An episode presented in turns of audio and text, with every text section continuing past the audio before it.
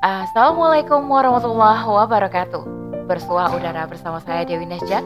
Kali ini di rubrik syiar dengan judul Kalau Hidayah Menyapa Sang Panglima di Medan Laga oleh Najwa Sakifa R. Maka, benarlah apa yang dikatakan Khalid.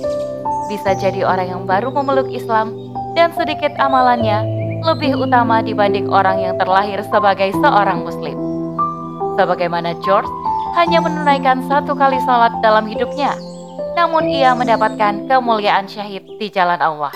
Selengkapnya, tetap di podcast Narasi Pos Media. Narasi Pos, cerdas dalam literasi media, bijak menangkap peristiwa kunci. Hidayah memang istimewa. Ia mahal dan berharga.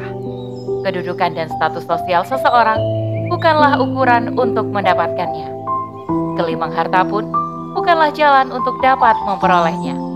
Terkadang, hidayah datang pada waktu yang tidak disangka-sangka. Bisa jadi ia datang pada saat penyerunya mungkin sudah putus asa, pada saat musibah datang, atau bahkan ketika kebencian dan permusuhan sudah mencapai puncaknya, sebagaimana kisah George bin Tozira.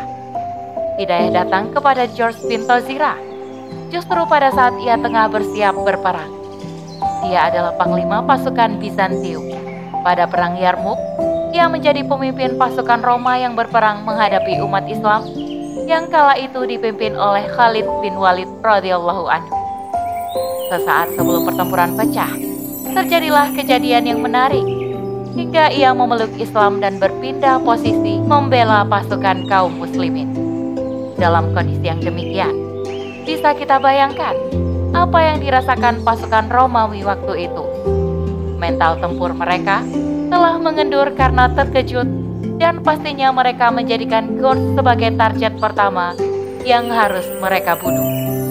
Saat itu, ketika pasukan tengah berhadap-hadapan, George tiba-tiba memanggil sang pedang Allah, yakni Khalid bin Walid. Khalid pun keluar dari pasukan dan berhadapan dengan George. Sementara Abu Ubaidah menggantikan posisinya sebagai komando. Di tengah ribuan pasukan yang bersemangat, kedua panglima hebat itu berdiri berhadap-hadapan hingga leher kuda tunggangan mereka bertautan.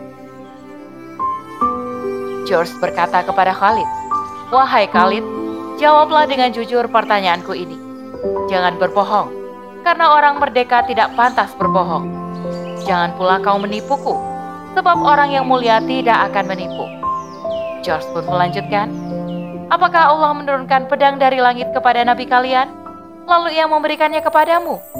Kemudian tidaklah pedang itu berjumpa dengan suatu kaum, kecuali ia berhasil mengalahkannya? Jawablah dengan singkat. Lalu, mengapa engkau dipanggil dengan Syaifullah, yakni pedang Allah? Cecar George menginginkan jawaban. Khalid pun menjawab, Sesungguhnya Allah subhanahu wa ta'ala mengutus nabinya ke tengah-tengah kami untuk mendakwahi kami.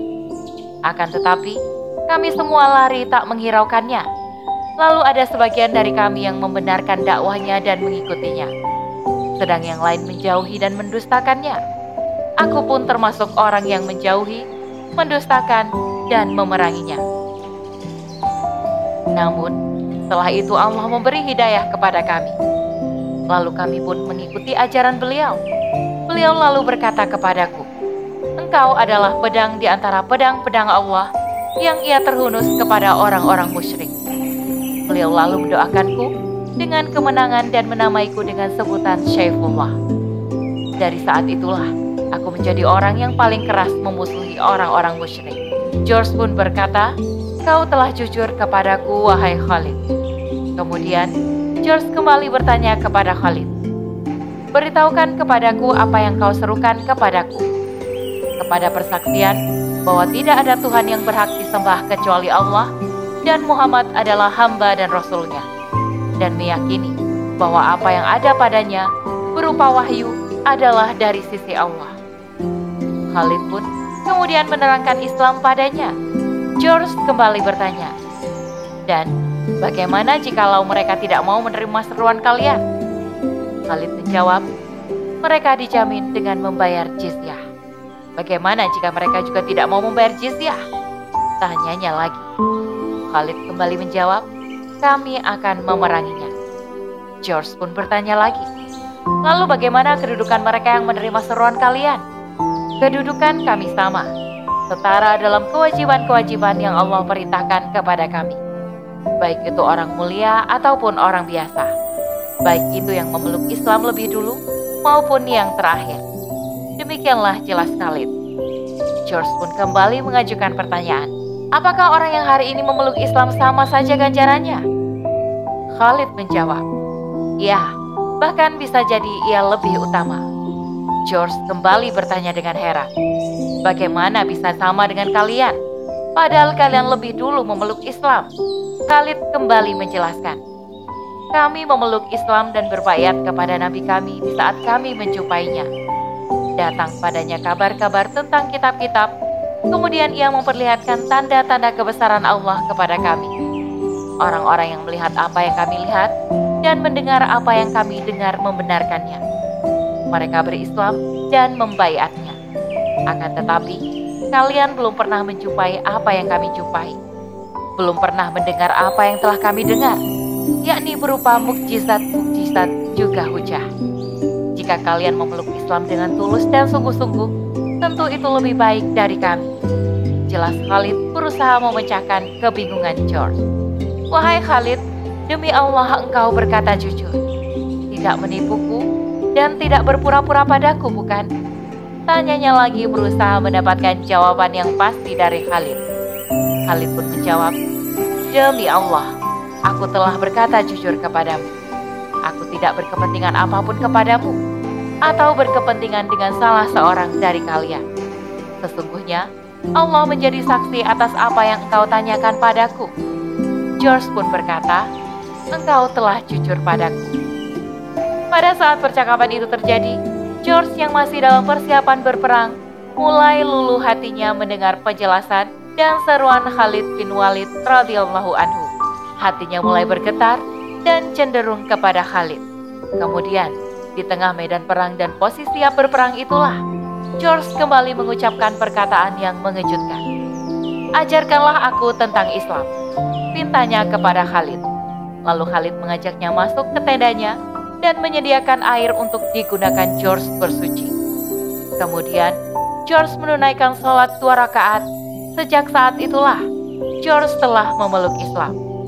Sungguh, Khalid bin Walid dan para sahabat telah memberikan teladan kepada kita bahwa berangkat ke medan perang bukanlah hanya untuk membunuh, tetapi tujuan utamanya adalah menyampaikan hidayah Allah.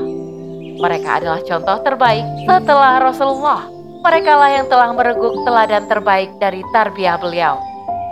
Mereka paham bahwa hidayah bisa menyapa siapa saja dan kapan saja, dan mereka ingin menjadi orang-orang mulia yang menyampaikan hidayah Allah kepada manusia. Sebagaimana Allah firmankan dalam surah Fusilat ayat 33. Siapakah yang lebih baik perkataannya daripada orang yang menyeru kepada Allah, melaksanakan kesalehan, dan yang berkata, Sesungguhnya aku termasuk orang-orang yang berserah diri. George telah keluar dengan pasukan Bizantium dengan permusuhan yang memuncak. Ia memimpin pasukan untuk memerangi Islam dan kaum muslimin. Akan tetapi, Ternyata pada saat itulah hidayah Allah datang kepadanya. Ini adalah pelajaran bagi kita bahwa janganlah kita berputus asa dari rahmat Allah. Begitulah George menyambut hidayah dengan dia mau membuka hati, berdialog tentang Islam dengan Khalid sebelum peperangan, meski dalam peperangan rasa permusuhanlah yang lebih dominan. Dan Khalid pun mencontohkan, ia masih mengharapkan hidayah untuk kepala pasukan yang hendak membunuh dan memeranginya.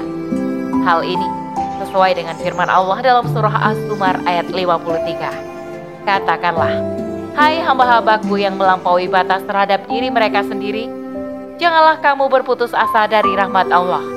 Sesungguhnya Allah mengampuni dosa-dosa semuanya. Sesungguhnya dialah yang maha pengampun lagi maha penyayang.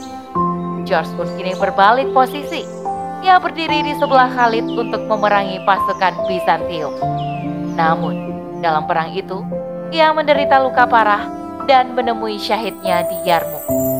Setelah masuk Islam, ia hanya satu kali melakukan sholat dan sujud dalam dua rakaat. kemudian ia gugur di medan jihad. Maka benarlah apa yang dikatakan Khalid, bisa jadi orang yang baru memeluk Islam dan sedikit amalannya lebih utama dibanding orang yang terlahir sebagai seorang muslim. Sebagaimana George hanya menunaikan satu kali sholat dalam hidupnya, namun ia mendapatkan kemuliaan jihad di jalan Allah dan menjemput kematian sebagai seorang syuhada. Masya Allah. Wallahu a'lam bisawab. Demikian rubrik syiar kali ini. Sampai bertemu di rubrik syiar selanjutnya. Saya Dewi Nasya kundur diri. Assalamualaikum warahmatullahi wabarakatuh.